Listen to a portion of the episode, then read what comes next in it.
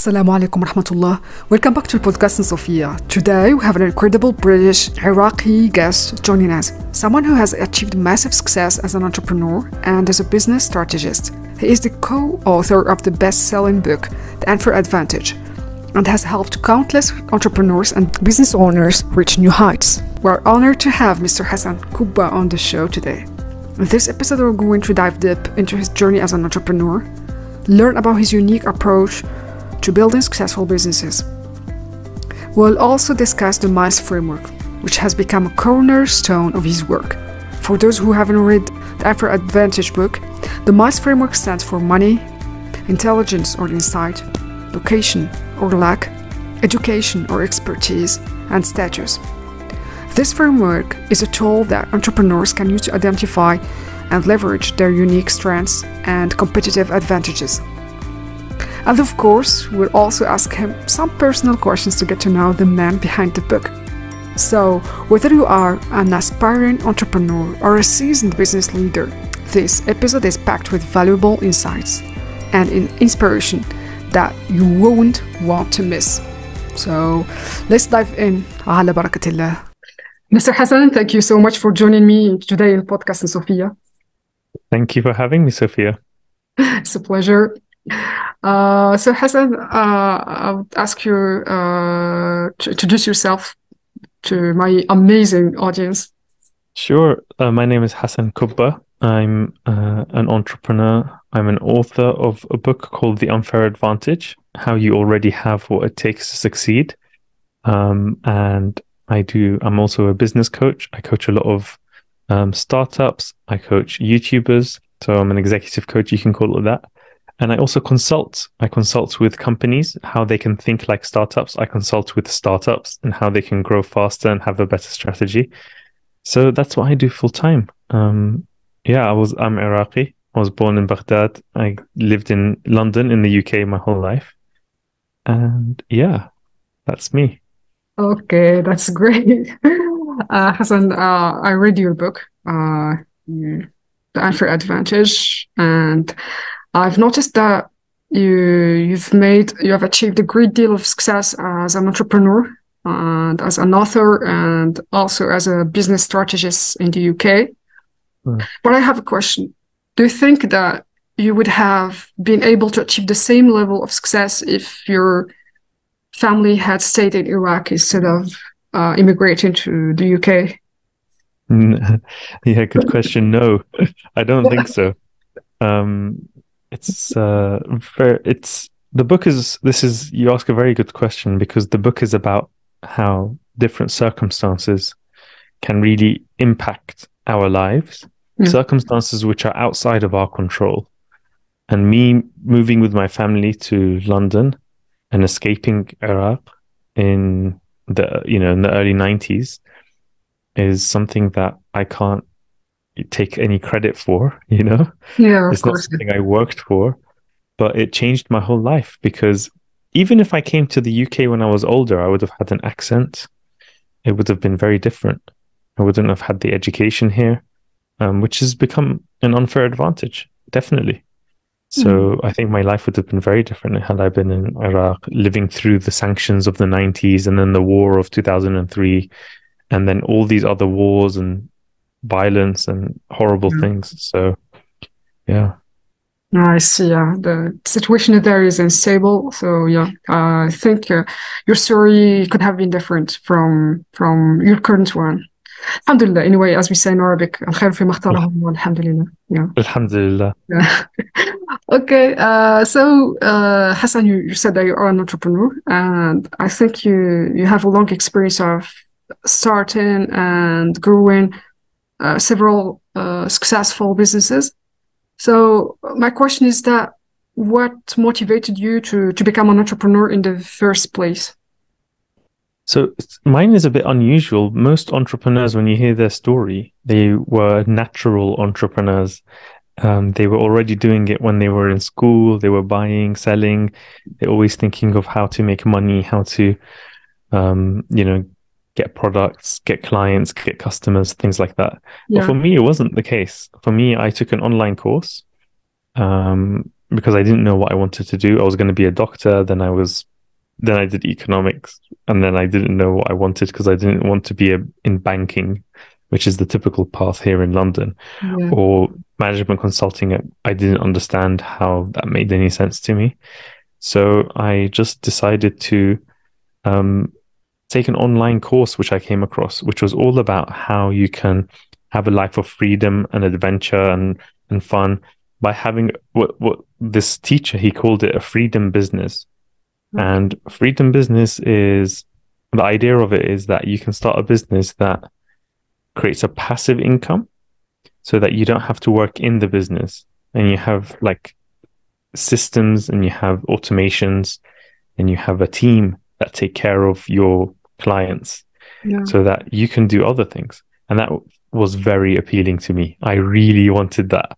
So I I took that course. It was expensive, but I had saved up some student loan money, and um, I it took me a while to get started because I had a lot of fear. I had a lot of procrastination. You know, delaying getting yeah. started. I had a lot of perfectionism, but um, in the end, I did get there. In the end, I did get started, and um, when I did, it was very long hours. It was not passive income at all okay. uh, until about one and a half years into the business. Then it was reached that point. And so it was a lot of hard work to get to that point. It was not easy, you know, entrepreneurship is very difficult. Um, but yeah, I got there in the end. And then that success in that business helped me to become, to do more consulting, more coaching, more mentoring, um, I started to invest in startups. And it was in that experience when I decided to write the book with my co author, Ash Ali. Oh, okay, I see. Okay. Uh, for for your first project, you said uh, you bootstrapped the project. You, didn't seek any exactly. any uh, outside invest, investment for the project, right? Yeah, that, that's right. Yeah, I didn't even I didn't know anything about business. I didn't even know you can raise funding for a project. I probably wouldn't have been able to raise funding if I had tried. Yeah. Um, I I didn't wasn't aware of this kind of thing. I would have been too nervous to, to trying to take other people's money or something at that stage. Um, and it was more of a lifestyle business. So I, I started a marketing agency, you know, branding, marketing. And so that's you don't really need funding to get started with that. You can get funding from the clients and have it bootstrapped. You know, when you sell to a client, you can get paid and then you can use that money to, you know, hire people and create the the services that you're trying to provide. So I didn't I didn't need to. Okay, see. Yeah, yeah. Perfect. So, um, Hasan, uh, you asked me earlier um, how I knew you and how I uh, heard about your book. So what happened is that I sampled up in a video of a Moroccan YouTuber uh, uh, and entrepreneur, Nassima. Uh, she had reviewed your book, The Unfair Advantage. And from what I recall, she she altered the, your miles framework. she mm. added another component, which is time. Uh, uh, I don't know what you think of this. Uh, what did she add? Sorry, what was the component that she added? Time, time. Time. Interesting. Time. Yeah. Yeah, yeah. yeah. That's interesting. Yeah, of um, course. So, so she was saying that time is an unfair advantage. Exactly. That, that's what she said. For example, if we both of us want to do something, if I have extra time, I can make more progress than you do, for example. So mm. yeah, that's what she said. I think that's a good point. Yeah. Um, interesting. You know, nobody has mentioned that before, and nobody has brought that to mind. Let me think about that. So time is an unfair advantage. Okay, so we all have the same amount of time per day. However, we have different responsibilities. Exactly. And sometimes your responsibilities, let's say, for example, you have to pay the bills, you have you're a parent, you have dependents, people depending on you, um, maybe a family, and so you ha- they're relying on you to pay the bills, and you have to do a job to pay the bills, so you have less time. That's one way to look at it. Absolutely. Yeah. Um, I think we do discuss the aspect of like having, or another aspect is, for example, health. So if you have uh, bad health, or somebody in your family and you have to look after them have bad health, and you have to be a caretaker for them. Yeah. A caregiver, sorry, for them. Then um, you'll have less time So I think time is a good one. It's a bit uh, difficult to define, but I think in general, I think one of the things that's true is that it's not always time. Sometimes it's energy. Yes. So sometimes you don't have the energy. It's not about the time. Like a lot of people in regular jobs, in kind of middle middle class, middle income, they have time in the evenings, but they don't have the energy. Exactly. Yeah. So so that adds another twist to it. So it's it's hard to define about the time situation. It's more about if you have I think it's kind of covered under money. So if you have the unfair advantage of money, Yes. then you don't need to work, right? You don't Mm. need to have a job. You can just get started full time on on a startup. Whereas if you don't have that, then you need to do a job and a startup in the evenings and weekends. yes. So yeah, so it's kind of covered under money, but yeah, I think it's quite interesting because I didn't come across her adding time. I only I haven't fully watched her video, but I came across it and I thought it was really, really great. Yeah. But um but the the Maghrebi Arabic dialect is a bit more difficult for me to understand. yes. But I thought it was a great from what I understood of it, I kind of saw I really enjoyed it and I thought it was great. Yeah, I remember her video was was um was good and she she encouraged people to to read the book and that's why I read it and I enjoyed it. Yeah. So uh, I think it's an incredible book. Um, it offers very much. yeah, it offers a fresh perspective on how to succeed in business and in life in general. So yeah, Yeah, you know, when we won it was our first it's our first book. It's the first book I've ever written. Yeah, And when we won the business book of the year, we were so surprised and happy because yeah, we really worked hard on it, but we never knew like everybody else would really appreciate it. So we we have a lot of, you know, became the bestseller. We won the business book of the year award. Um, we have been translated into so many different languages. Wow. Unfortunately, not yet Arabic. And I don't know why, especially with my Arabic background. I really want an Arabic publisher yeah, to to to you know inquire about getting the translation rights. We now have it in Chinese, so we had the book launch of Chinese um, about three weeks ago, wow, which was incredible. We have we have multiple languages, like so many, but Arabic is not one of them, unfortunately. Oh, So yeah, it's uh, very cool. And also, there's been a lot of YouTubers, and I always reach out to them. And I think I tried to, yeah, basically I always reach out to the YouTubers who do reviews. We've had um, two YouTubers go super viral, like over two million views. wow, Um, Ali Abdaal and there's a, a girl called Ruri Ohama who is half Japanese, half Turkish, oh, and her video has got 2.2 million views, and it's about the unfair advantage, and it encourages people, the readers, uh, sorry, the viewers of the video, of her followers, to buy the book, and because it changed her life.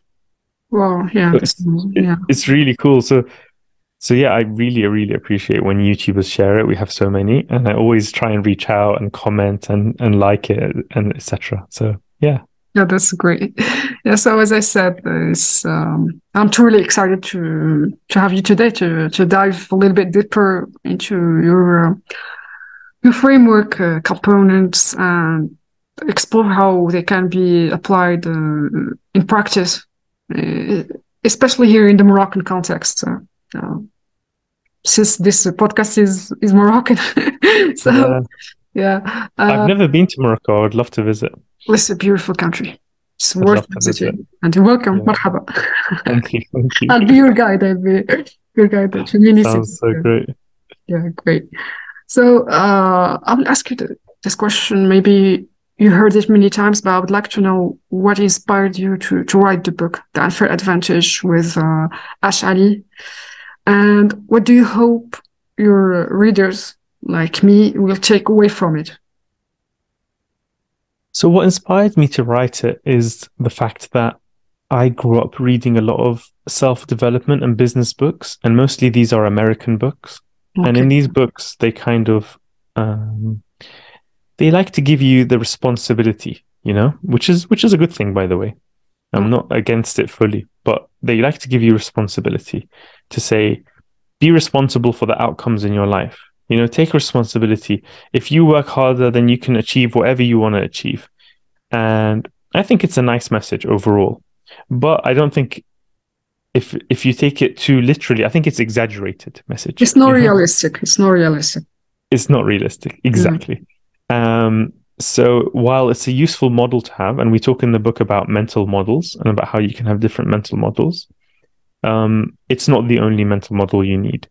In fact, what would happen is we were investing in startups, and what they would come and pitch us. You know, they would come and say, "I'm trying to raise this much money for my startup, um, and uh, you know, would you like to invest?" And so they would come and give their presentations. And I used to think that some people are just so they think that it, working hard is enough, but unfortunately, it's not. You mm. have to have something else. And we were thinking, what is this other thing? How do we d- explain it to people? You know, it's almost like having some privileges, you know? Yes. And we came, we decided to call it unfair advantages. You know, we're like, you know, he doesn't have the right unfair advantages, but she does. This one is, she's good. Like, that's why she'll be able to raise from other investors as well, and she'll be able to get enough funding for her startup. Whereas he doesn't have the unfair advantages, unfortunately. And so this became a term we started to use, and we thought we want to share this idea, you know. And it was especially people from we call ethnic minority backgrounds, you know, from from from immigrant yeah. backgrounds in the UK who didn't have the unfair advantages, you know. So um, we wanted to share this message.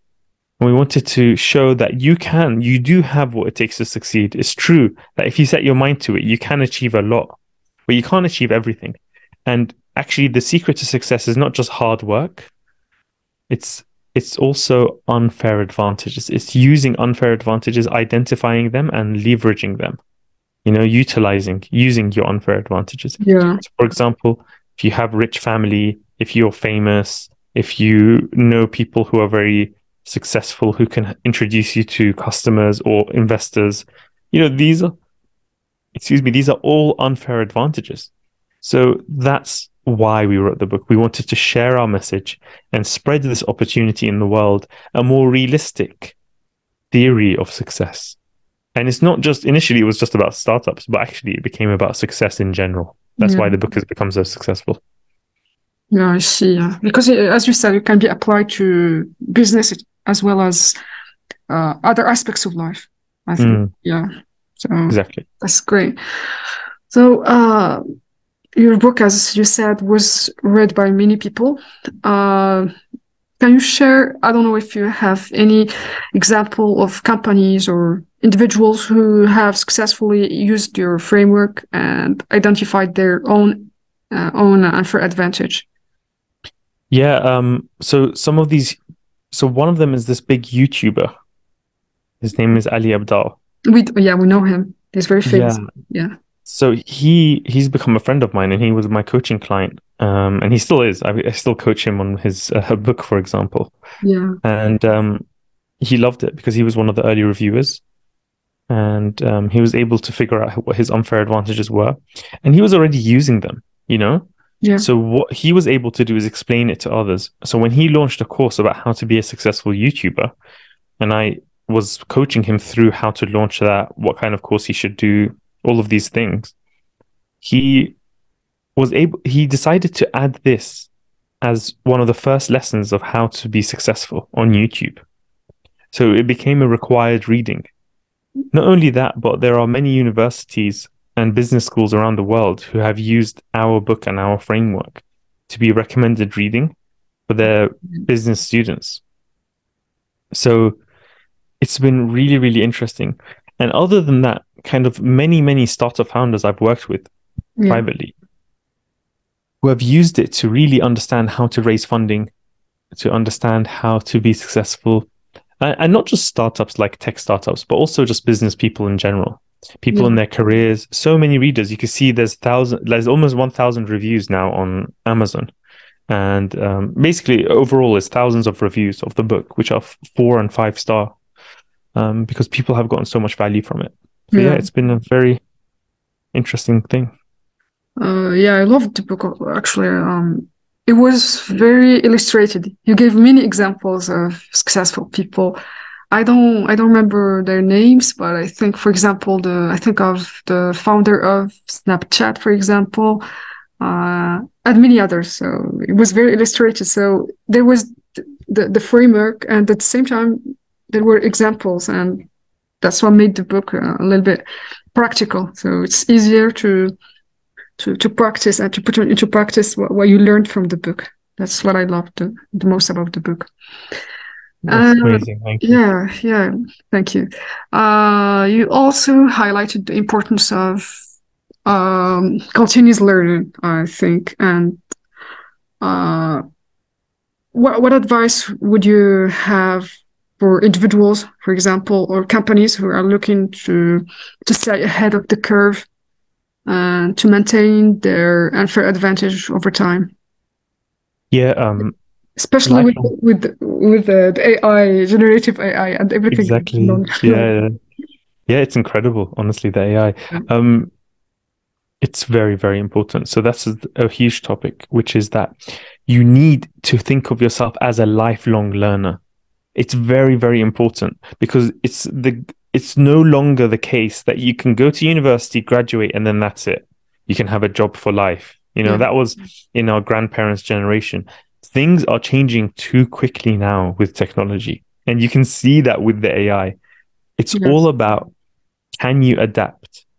So the main skill is not a particular skill, for example, software engineering, you know, like a particular language or something in software engineering, just yeah. as an example. The main skill is adaptability. The main skill is learning how to learn. Mm. That's the most important skill so that you can learn all the new technologies that are happening as soon as possible and staying ahead of the curve. So the right thing to do is to have the right mindset for growth, to have a growth mindset and to always be a lifelong learner. That's yeah. absolutely key. And we talk about that a lot in the book. Yeah, yeah, I remember. And I remember that you also talked about this um, growth mindset uh, versus the the how do we call the other one? The growth. The fixed the fixed mindset. Yeah, the fixed one. Yeah, sorry. no problem. Uh, yeah, I made a video about this in Arabic, and uh, people loved it. Um, nice. Yeah, yeah, it's very insightful.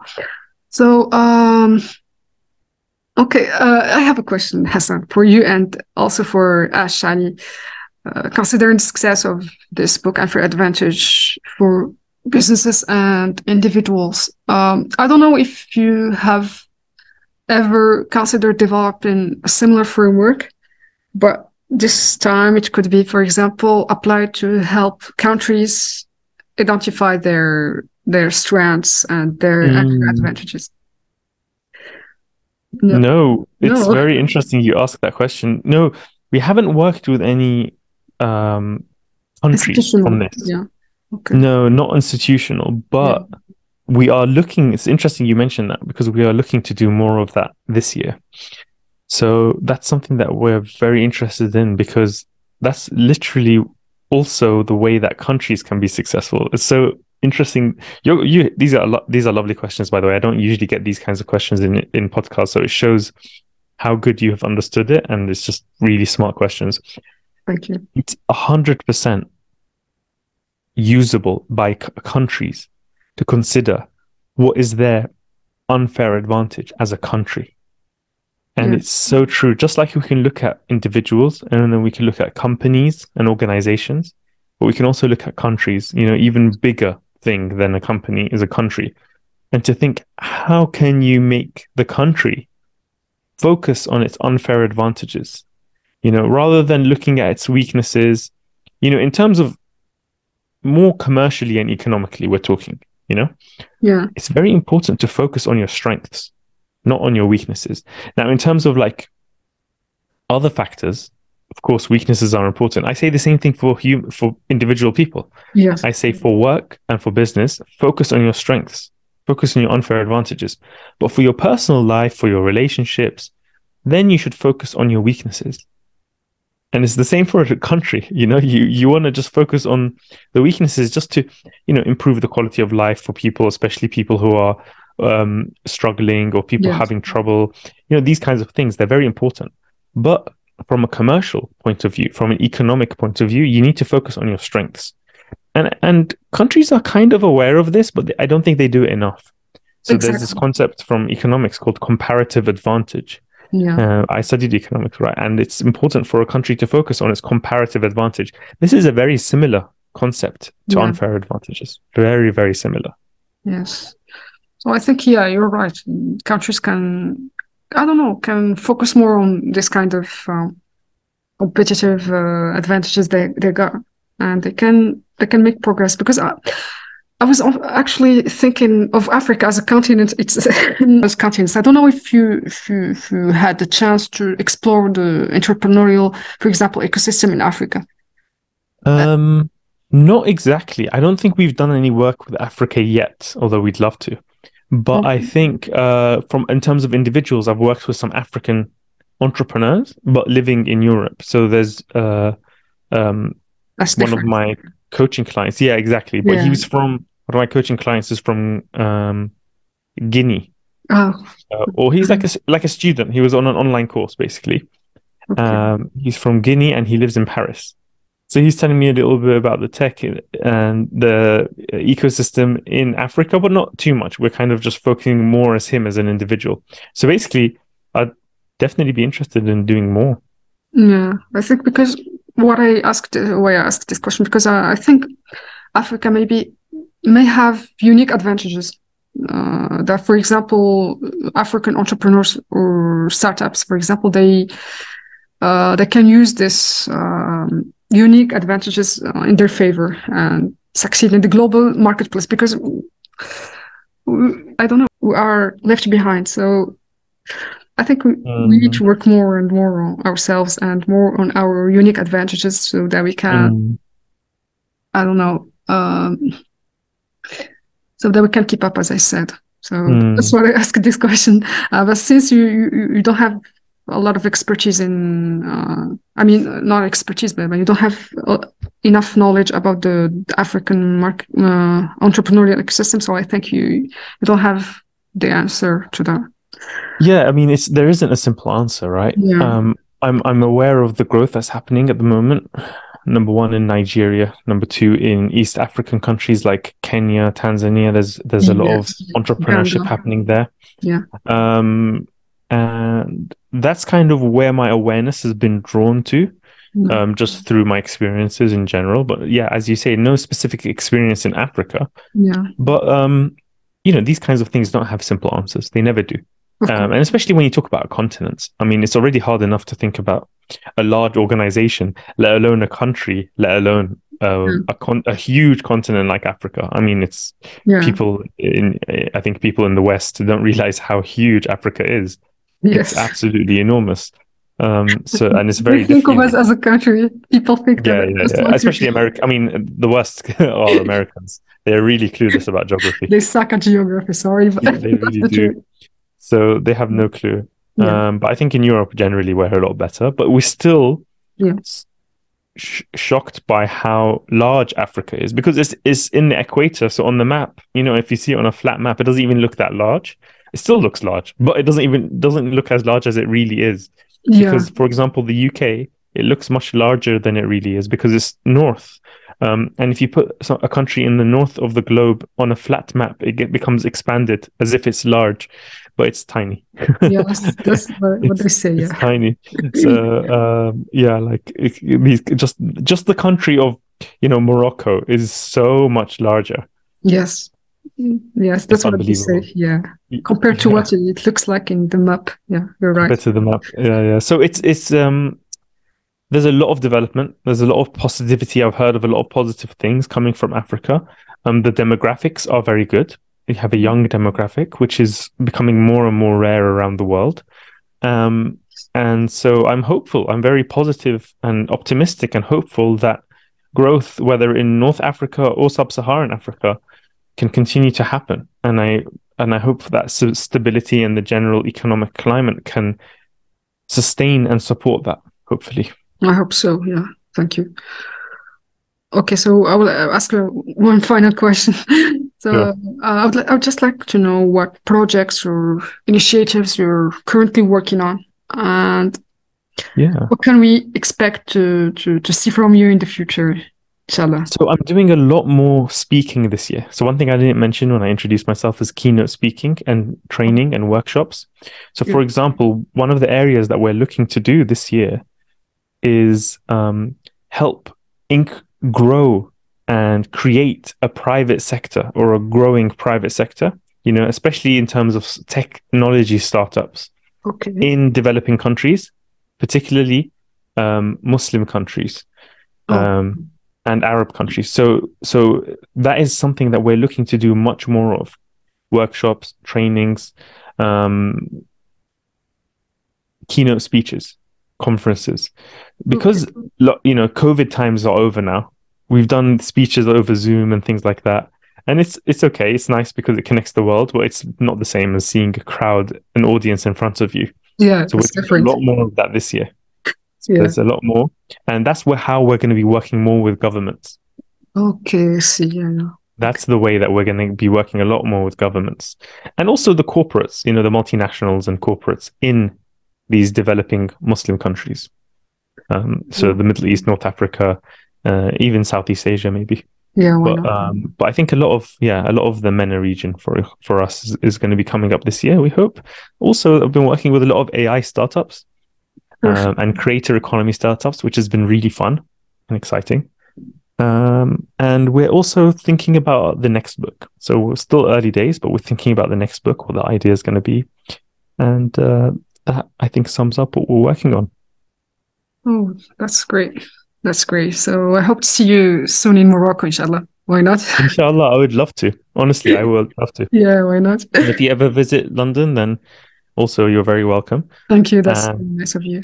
Thank you. And uh, yeah, um, if we do decide to come out, or if there's any uh, organizations Yeah. um, who who want to us to speak at a conference or do some trainings or workshops in Morocco, I think that will be a good reason for us to come and visit. Why not? And I would love to do that. So if there's anything like that, any government uh, agencies, any c- companies who are looking to increase entrepreneurship in the youth, help them find their unfair advantages, but also for corporates, for com- big companies, how can they think like startup companies? Because startup companies are so successful. Right now, what large organizations are doing is trying to figure out how they can think the same way. Yeah. See. Yeah, why not? That would be great, inshallah. Inshallah. So thank you, Hasan. That's that was nice of you. Thank you, Sophia. very insightful. Uh, thanks for giving me this chance to, to No interview you. Thank you. Thanks for having me. Thank you. Pleasure. It's been a pleasure. Pleasure. Thank you. Bye bye. Bye bye.